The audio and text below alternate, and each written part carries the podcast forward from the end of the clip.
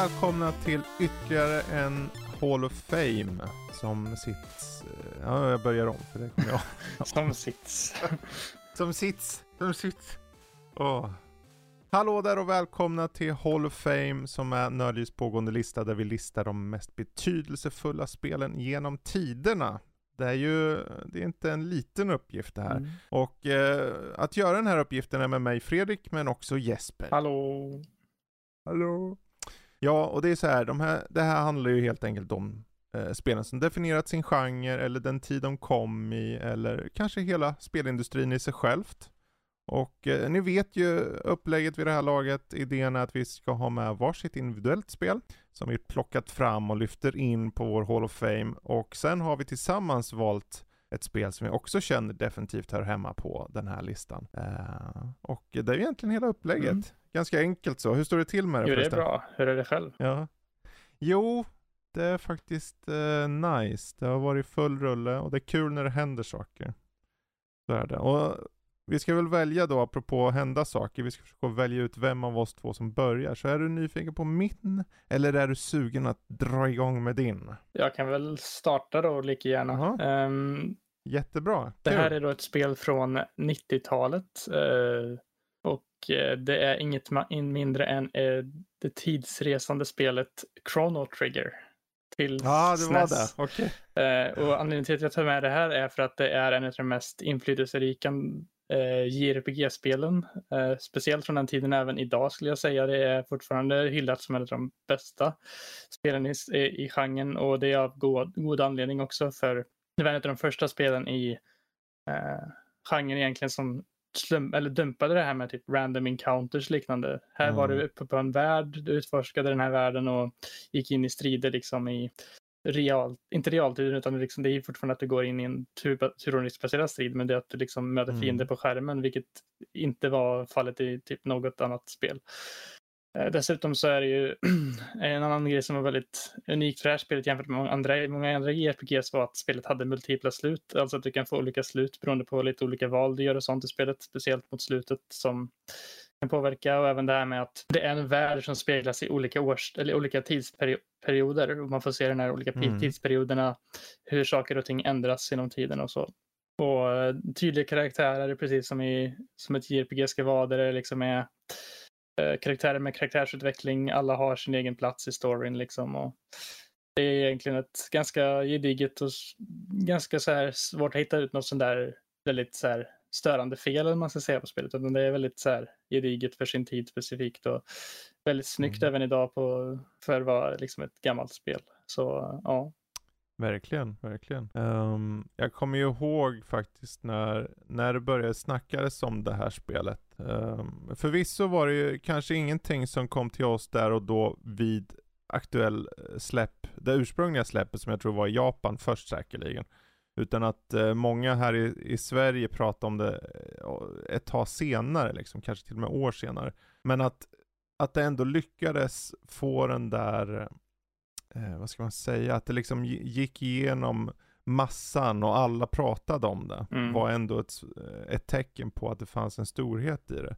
Och jag tror man ser till just eh, ett arvet av spelet, det är mycket det här med att eh, berättelsen var väldigt intrikat och väldigt Eh, inte bara på ett ytligt plan. Jag menar, ibland, ibland kunde vissa tidiga spel vara ganska, vad ska man säga, enkla Mm. i sitt upplägg. Du har hjälte, hjälte ska rädda prinsessa X, du är klar liksom. mm, Men här fanns det lager på lager och det fanns liksom eh, känslor inblandat och det fanns liksom eh, olika sätt att, okej, förstå de här karaktärerna.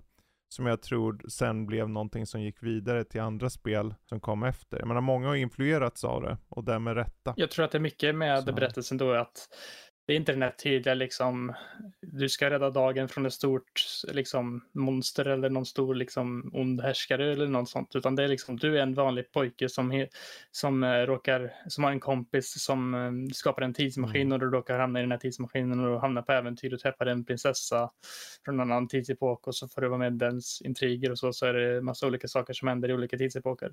Det känns lite som att det är lite så här sammankopplade stories från olika tidsepoker som är liksom lite så här självständiga fast ändå inte självständiga liksom, om du fattar vad jag Mm. menar. Liksom, det, finns, det finns en tydlig liksom, struktur i dem men att liksom du får lite mer av storyn hela tiden. Liksom. Det är liksom att du kan köra en litet tag. Liksom, du får den här delen av storyn och sen så kör du vidare så får du den här delen. Och det är alltid Mm. något nytt i varje tidsepok och så bygger du ihop mot något slut, mot, eller stort mot slutet där sen istället. Eh, vilket Mm. jag tror att det är väldigt så här. Eh, för det var, det är just på SNESen som det kom många sådana JRPGs, bland annat då Chrono Trigger som faktiskt har en story. Och det, jag tror inte det är så många spel överlag som hade en sån här jättetydlig story på den tiden. För det var väldigt mycket fokus på att få in en spelmekanik och liksom utforskandet och sånt. Kanske liksom tidiga Zelda, tidiga Final Fantasy och sånt. Att det är Mm. mycket sånt som är, men nu är det faktiskt en riktig story som man kan följa också. Jag tror att det kan bli, jag tror också att Chrono Trigger är en av de JRPGs eller RPGs överlag från den tiden som är ganska lättillgängligt för folk också. För att många av de andra spelen kanske är lite svårt att förstå var man ska gå eller vad man ska göra. Liksom att Chrono Trigger är Mm. ganska rättframt att liksom, om du bara följer vägen så kommer du nog till slut komma till slutet av spelet. Mm. Och det är inte överdrivet långt heller. Det är liksom runt 20 timmars spel, vilket inte är jättemycket för ett JRPG egentligen. Nej. Det, Eh, Jag tror just, just den kombinationen av lättillgänglighet men också att det fanns ett djup i Mm. det var någonting som inte riktigt hade setts lika ofta Nej. då. Och eh, just från 95, och jag tror vi pratade om det här i tidigare avsnitt, att från just den perioden från 95 till 00 var en period då både hårdvara och sättet på hur du gör spel utvecklades enormt. Du kunde se skillnad från ett år till ett annat på, okej, året innan var väldigt basic spelupplägg. Och sen år två, då är det liksom mer, betydligt mer intrikat story och kanske en, eh, en rejäl upphiftning i eh, spelmekanik. Och att den, den hastighet av evolution kunde ses då. Och, och just det här spelet är särskilt ett tecken på, okej, vi ser här att här börjar det. ja, Liksom. Det är här vi har en, sta- en i alla fall av startpunkten. Det finns många startpunkter i många olika genrer.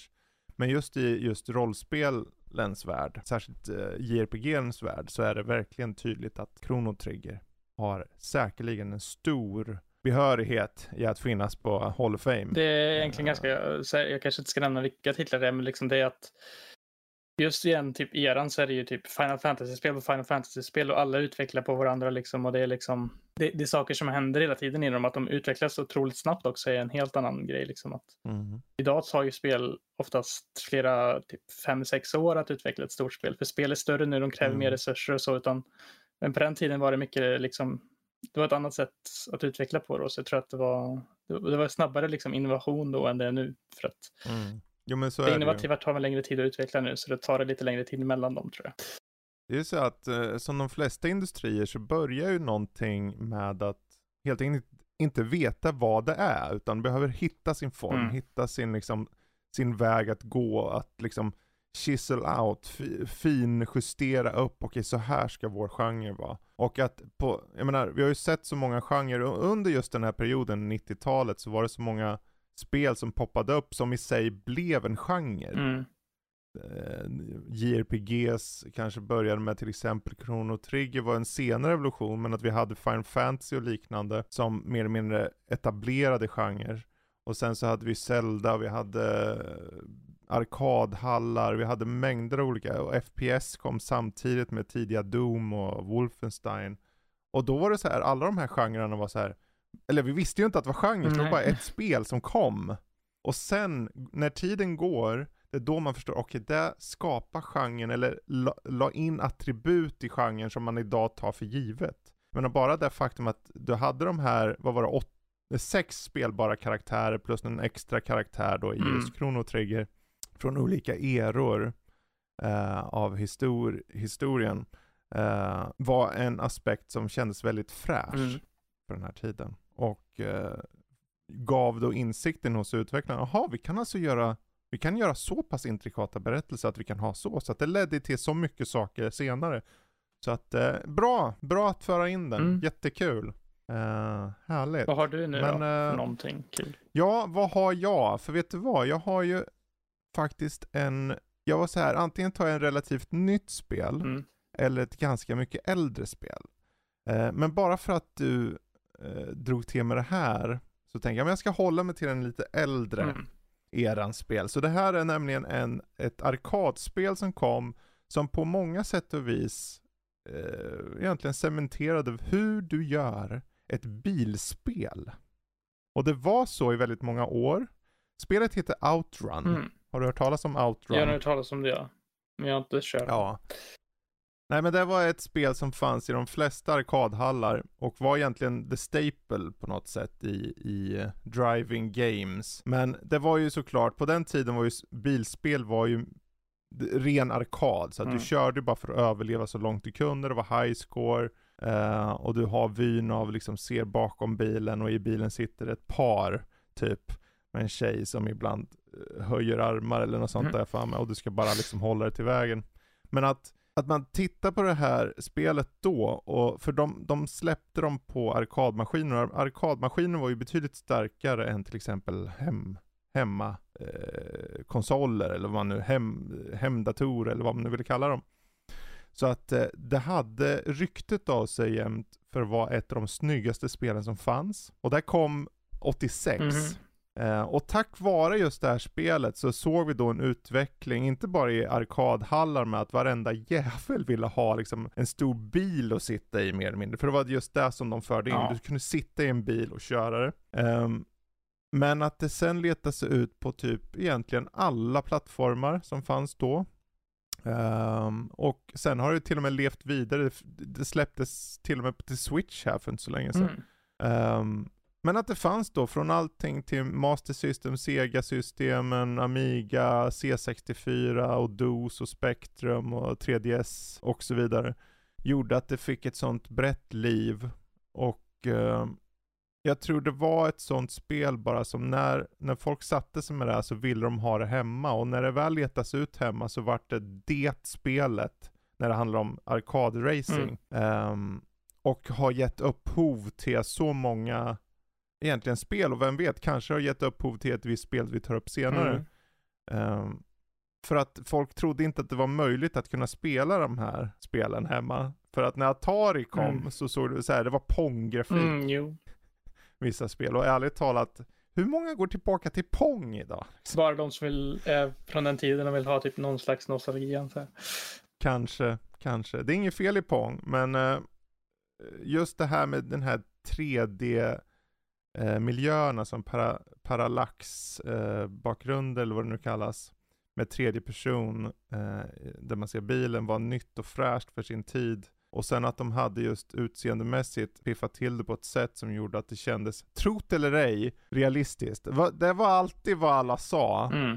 Idag om man tittar på spel, vilket spel du än tittar på från 80-talet så tänker du ju, "Men det här är ju, varför, vadå realistiskt? Det är typ fyra block som rör på sig. typ sådär.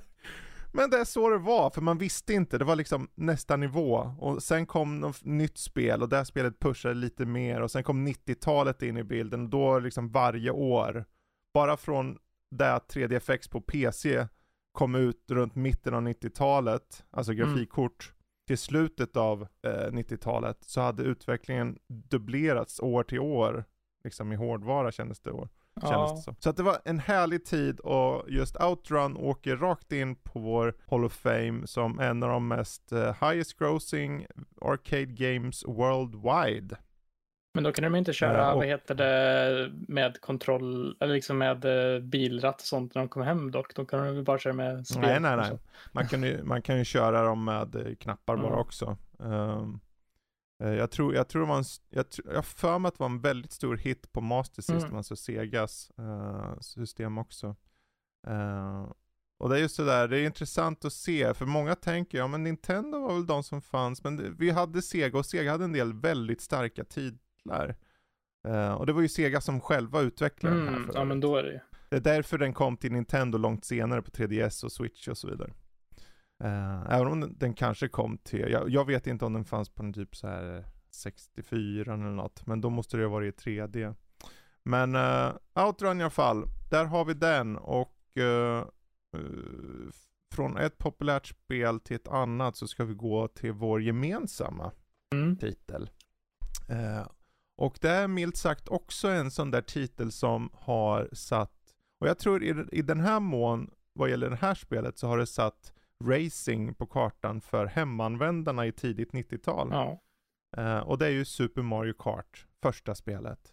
Eh, om inte jag är helt ute och Jo, men det är det. Precis. Ehm, vad säger du, vad, vad är det som gör att just Super Mario Kart hör hemma på Hall of Fame? Jo, men det är väl för att det skapade en subserie eller en spin-off-serie då till Mario-franchisen som har gjort otroligt bra från sig i många generationer eh, och spelats av väldigt många olika människor. Eh, vem som helst känner till vad Mario Kart är liksom. Det är en standard för alla som har ett Nintendo-system nästan idag. Eh, och det här är då det första spelet i serien och det är ju liksom väldigt så här. Jag tror det var något av de första spelen också, om jag fattat det rätt, som var liksom så här mera lite så här easy going med liksom power-ups och lite sådana saker som att man Mm. kan köra runt på en go-kart-bana med Mario-karaktärer i liksom med, med power-ups och liknande. Det var väl inte riktigt någonting som var jätteetablerat utan det var väl att man körde oftast med en liksom vanlig bil i en vanligt race jämfört med det här liksom i racingspel. Jag vet inte hur det var. Alltså den typen av Mm. arkad när du får power-ups fanns ju. Men jag tror att de populariserade på det här sättet och hade just som du var inne på med, med Mario-karaktärer var det som var nytt i det. Just att du fick, det fick lite av en nästan eh, en personlighet som att det var från tv nästan. Mm. Man känner, åh det är de här kända karaktärerna, fast nu får du välja vilken du vill ha. Just den approachen kändes fräsch och, och ny. För eh, det fanns så här Wacky Wheels och det fanns, eh, Jaguar hade några spel också åt det här hållet. Och sen har vi ju sett mängder av, inte rip-offs för kartracing har ju funnits på ett sätt innan, men just, just det här med att de förädlade det. Mm. Att de fick det ut till den breda massan och att, precis som du var inne på, att alla kände till det. Mm. Att alla liksom, och även om du inte hade en Nintendo så kände du till Mario Kart. Mm. eh, är ändå en, en, en stark fjäder i hatten där. Jo, för att det är ju ett sånt spel som är ganska lätt att komma in i och bara sätta sig med några vänner och spela tillsammans. Liksom. Det är ju eh, enkla kontroller liksom att spela på. Alltså, tekniskt sett så är ju första spelet kanske inte det mest förlåtande om man säger så jämfört med de nyare spelen. För där är det ju ändå att du måste drifta väldigt bra och sånt för att inte hamna sist. För om du hamnar sist på racet så kommer du åka ut från hela racet och får inte spela vidare på dem. Eh, vilket är mycket Mm. mer förlåtande nu. Det kan man ju hamna sist hur många gånger du vill utan att åka ut liksom. Men det var ändå det här ehm, den här liksom familjariteten i ny, en liksom spin-off.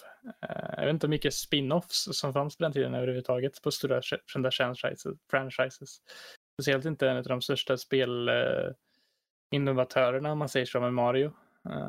Mm. och Nintendo, jag vet inte hur mycket sådana sorts spel de hade gjort innan som var liksom multiplayer på det sättet. Jag vet inte att Zelda och Mario och liknande är väldigt, eller det fanns ju väldigt några stycken liksom, men som var den här tydliga liksom eh, versus multiplayer. Det var väl lite Mm. co-op-spel liksom som man kunde köra mycket. Precis. Jo, det är väl egentligen där som den gör den största påverkan Mm. tror jag. Just det här med att sitta tillsammans och lira och, och slåss liksom i Mm. soffan så att säga. Är ju det som jag tror Super Mario Kart eh, verkligen drog till sitt esse Mm. på något sätt. Ehm, och eh, det är ju också därför populariteten just i den här tillgängligheten, att vem som helst sätter sig och lirar, gör att det också överlever såklart. För det, de har ju testat många koncept genom tiden och det är inte allt som går. Men Mario Kart är ju en av de som definitivt gör det. Eh, för att man, man håller det bara enkelt liksom. Och sen adderar du till saker som, som kanske inte gör det super, vad ska man säga, det är ju inte som att eh, det är något mer än bara, okej, få in den där boosten när du svänger och så. Och sen behöver du lära dig banorna och det är precis som alla andra bilspel. Så att det finns en skön balans i det. Mm. du, vem som helst kan sätta sig med det och komma in i det relativt bra. Liksom så. Det finns ju olika hastighetssvårighetsgrader om man säger så. Det finns ju 50 cc, 100 cc, eh, 150 Mm. cc. Vilket också gör att eh, om du vill köra lite mer hardcore så kan du göra det. Om du vill köra väldigt mycket lättare med 50 cc liksom så går det att göra det. Så du kan ju liksom jämna ut eh, erfarenhetsnivån liksom på spelarna också. Eh, om man väljer de Mm. lägre också. Det finns mycket liksom, liksom lite för alla där egentligen. Mm. Ja men bra. Eh, Super Mario Kart åker rakt in i listan. Eh, och det var på tiden. Vi behövde få in det känner jag. Det är en sån där tydlig titel som, som är omissbar. Ja. Men då är så här, en sista upp, så, sista momentet här då blir lite så här angående vår erfarenhet av spelen och Mm. när vi kom i kontakt med dem första gången. När körde du första gången Super Mario Kart? Det var väl typ väldigt sent faktiskt. Jag tror att det var när SNES Mini kom ut, tror jag. Mm. Eh, den här eh, lilla minivarianten av SNESen som, det var bara några Ja, år sedan precis. egentligen. Det var ju typ kanske fem år sedan eller något. Så körde jag Mario, Super Mario Kart. Alla fall som jag minns första gången. Jag har, säkert, jag har säkert kört det någon gång innan. Mm. Eller just det, det stämmer inte för jag körde det faktiskt någon gång innan via, eh, jag tror det var Smash Bros Brawl eller Smash Bros till Wii U som hade så här att man kan köra Mm. ett eh, museumläge. Där man kan köra lite gamla titlar i typ någon kort tid så är det liksom en demo på dem. Så jag tror jag testade det där först. Men på Mm. riktigt liksom ett riktigt race utan demo så var det väl i eh, SNESen. Ja. Har du någon minne av när du körde det här med någon kompisar och så? Jag har Alltså. bara minne av att eh, jämfört med de senare Mario-spelen tyckte jag att det var väldigt eh, liksom ganska utmanande att komma in Mm. i och så var det liksom mycket sådär. Jag fick nästan lite typ migrän av alla färger som gick runt. Ja, jo. Det är liksom väldigt så här spretigt i eh, hur eh, 3D-miljöerna speglar sig i den här 2D-grafiken eller den här Mm. 2D-pixelarten så det blir liksom så här lite svårt att ha koll på karaktären tyckte jag. Precis. Vad jag minns precis. rätt. Ja. Hur var det då med Chrono Trigger? Hur kom du i kontakt med det första gången? Det var väl också bara några år sedan när jag körde, jag tror jag skaffade på en Steam-rea för typ 50 spänn eller någonting. Eh, och jag hade hört mycket bra om det innan så jag, testade, jag tänkte jag ska testa det här och det var ju liksom oväntat liksom lätt att komma in i för någon som inte hade kört så många Mm. äldre spel så på det sättet. Det var ju liksom där jag kom i kontakt med det och körde ut det ganska snabbt också på det. Mm. Eh, Så det var ju via PC-porten då. Eh, Jag vet ju att det kommit en DS-port också. Jag har inte kört den dock. Som har massa, det har ju den här också då. De introducerade en massa anime cutscenes. Eh, Så som Ja. liksom tillför rätt mycket till spelet. Men det hade ju inte SNES-versionen då. Eh, Så ja. Nej, okej. Ja men det, det är kul. Jag tänker det är alltid kul att veta lite när, när man får, när de första erfarenheterna kommer in. Mm. För det är så här, även om vi lyfter ju in de här spelen nu och de må, jag menar, Chrono Trigger, det var ett tag sedan den kom och det Mm. är samma sak med liksom Mario Kart och så. Men alla har ju någon ingång liksom. Alla har en plats i tiden när Mm. de träffar på det först. Så att det, det, och på ett sätt är ju det ett tecken på hur viktiga spelen är, just för att de överlever Mm. uppenbarligen. De överlever tidens tand. Ehm, Nej, ja. för min del vad gäller just ehm, eh, Outrun så är det lite tvådelat där, för man körde det Alltså det var så länge sedan, så jag kommer ju bara, jag kommer ju ihåg när vi åkte på eh, campingsemester. På många Mm. campingställen så fanns det arkadhallar Mm. eh, på plats liksom. Och det var ju så här, på den tiden hade jag ju ingen hem, här, jag hade ingen speldator eller någon spelmaskin eller någonting. Så det närmaste jag kom åt spel på det här, av den här typen eh, var just arkadhallar främst. Så det var ju kul då när man åkte ner till typ så här kan det vara någonstans i Skåne på någon camping vid någon sjö och så går man in där i den lilla förbutiken och bredvid butiken så ligger en liten hall. Och i den hallen så sitter en liten, en liten maskin som ser ut som en liten bil. Mm. Jag tänkte, vad är det här? Det här vill jag sitta i, det här vill jag köra. Och man sätter sig och kör och det ser så bra ut. Och man blir nästan helt blown away. Bara, jag måste, kan jag få mer pengar? Och så sitter man där och slänger i slant efter slant efter slant efter slant.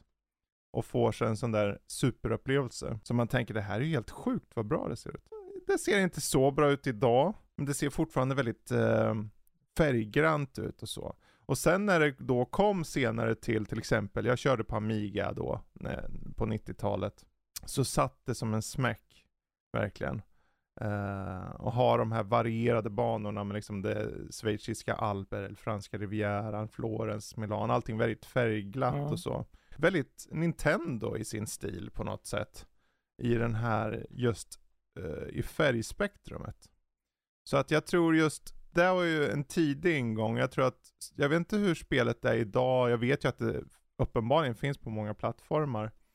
Ehm, men jag tror att det ändå kommer vara ett spel som vem som helst kan sätta sig vid. Mm. Ungefär som Mario Kart och, och liknande. Jag tror det är ganska viktigt att ta med sådana spel som är liksom kanske kom ut för länge sedan, men de är ändå liksom spel man kan spela även idag. För att jag tror att det är många Mm. spel från den tiden som är väldigt så här. Ja, det var, det var coolt då liksom, eller det funkar bra då, men om du testar det idag så är det liksom ja, det funkar inte riktigt liksom. Precis. Uh. Och vi har ju egentligen aldrig, om vi ska, vi kan ju lyfta där lite, för det finns ju, säg till exempel första, land, uh, första generationen av Playstation-spel, mm. de här tidiga polygonspelarna, eller till och med på Playstation 2. Det finns ju hur många spel som helst som bara kom och gick. Mm. Egentligen på alla plattformar såklart. Uh, och det är de spelen då som på något sätt är så här, de försökte, men de, de var antingen för generiska eller så var de bara same same i det att de härmar andra spel. Mm. Uh, och då är det de här, vilka spel är det de härmar? Vilka spel är det de tar inspiration ifrån? Det är de spelen vi vill belysa och det är de spelen som jag tror vi har belyst. Så att, um... Ja. Jo, men det var väl så på den tiden på liksom Playstation 2 och Playstation 1. Alla ville skapa en plats i, genre, i branschen, liksom ett, sitt spel. Mm. Och så mm. blev det liksom att det var så mycket och, folk, och spel var inte tillräckligt etablerat på något sätt. Så att folk visste inte om alla de här spelen. Så att det blev liksom så att kom så mycket shovelware, eller man ska säga, som inte uppmärksammas, som blir liksom hidden gems i sig idag. Liksom, att folk hittar dem mm. nu istället, vilket också är lite kul att man kan hitta lite äldre saker liksom nu i efterhand som man kanske inte ens visste fanns. Mm, precis. Jag hoppas ju att vi kan sen, vi får se om vi hinner. Nu är det inte så många avsnitt kvar uh, av den här. Vi ska se om vi fortsätter med det efter sommaren. Mm. Uh, det beror lite på respons, hur man tycker och känner i redaktionen och så. Uh, jag tycker det varit kul att ha det. Eh, och uppenbarligen så finns det ju mängder av spel vi inte har fått in på Hall of Fame. Sådana här som någon där ute sitter och kliar sig i huvudet. Men varf varför har ni inte spel X inne? Ja, vi har inte hunnit. Det är svaret vi har. Det är så här, det är ju den där balansen, för det är liksom, det dikteras av de två personerna som är med och, ja ni har ju hört det mig, mig säga det förut, men som i det här fallet, vi snackar Mario Kart, vi snackar Chrono Trigger och Outrun, och det är tre spel som blir väldigt mer dikterade av oss två här, medan hade det varit Danny och jag, eller du och Danny, eller vem som helst annan liksom, så hade det kanske varit en helt annan take på en helt andra spel.